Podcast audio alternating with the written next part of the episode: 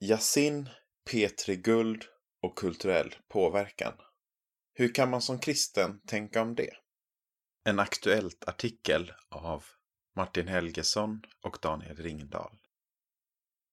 Ordspråket du är vad du äter är välbekant för de flesta. Detsamma kan även sägas om den kultur vi tar del av, speciellt som unga.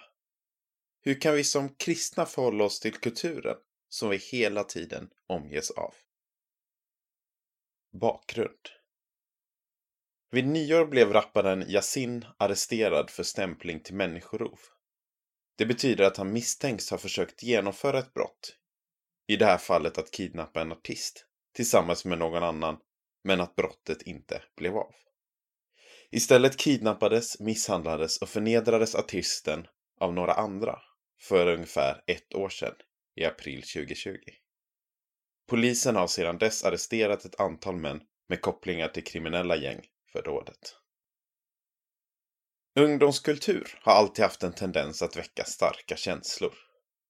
Under 80 och 90-talet diskuterades det om våldsfilmer och videospel bidrog till att göra unga våldsamma. Och artisters livsval och värderingar är ett annat återkommande tema.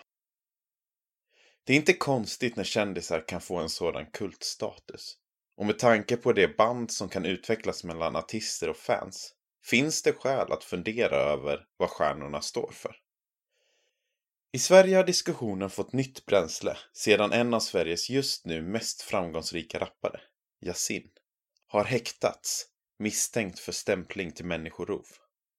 Han har kopplingar till det kriminella nätverket Shottaz som sedan 2015 har legat i strid med det rivaliserande nätverket Dödspatrullen.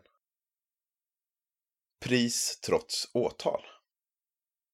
Det som särskilt har väckt uppmärksamhet är att Yasin under pågående brottsutredning har nominerats till P3 Guldgalan och i slutet av mars vann han utmärkelsen Årets artist och Årets hiphop R&B. Är det rimligt att public service prisbelönar en person som misstänks för stämpling till människorov och som har tydliga kopplingar till ett kriminellt nätverk? Frågan har satt igång en stor kulturell debatt i tidningar och poddar. Två aspekter är särskilt relevanta i det här sammanhanget. Å ena sidan är konsten fri och måste få vara det. Ett av de första tecknen på att ett samhälle går i auktoritär riktning är att politiker börjar markera mot avvikande åsikter.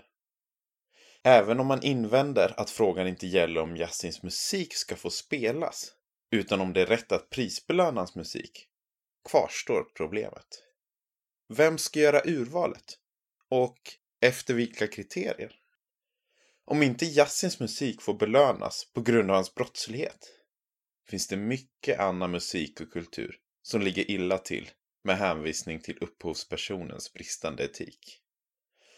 Å andra sidan finns det något djupt hycklande i debatten då det är tydlig skillnad mellan brott och brott när det gäller att få erkännande. Det hade varit svårt att tänka sig en artist som hade talat om sexuella övergrepp på ett positivt sätt skulle kunna bli nominerad för ett pris. Speciellt om den dessutom var under utredning för ett sådant brott. Om konsten ska vara fri måste den vara jämlikt fri. Kristen och kultur. Hur ska man som kristen egentligen förhålla sig till kulturen? Det är svårt. Och kristna kommer till olika slutsatser, varav många har visst fog för sig. Det finns två diken man kan hamna i. Det ena diket är att se allt, läsa allt och lyssna på allt och säga man måste ju hänga med. Det måste man inte alls. Om ens själ tar skada. Det andra diket är att helt distansera sig från all kultur som inte är uttryckligt kristen. I arbetet med artikeln har Daniel lyssnat in sig på Yassins musik och har lärt sig tycka om den. Låten Ge upp igen med Miriam Bryant är nog det bästa han har hört hittills i år. Men han drar sig för att lyssna vidare på musiken. Kulturen säger så mycket om tiden vi lever i och hiphopen avslöjar främst en destruktiv manlighet.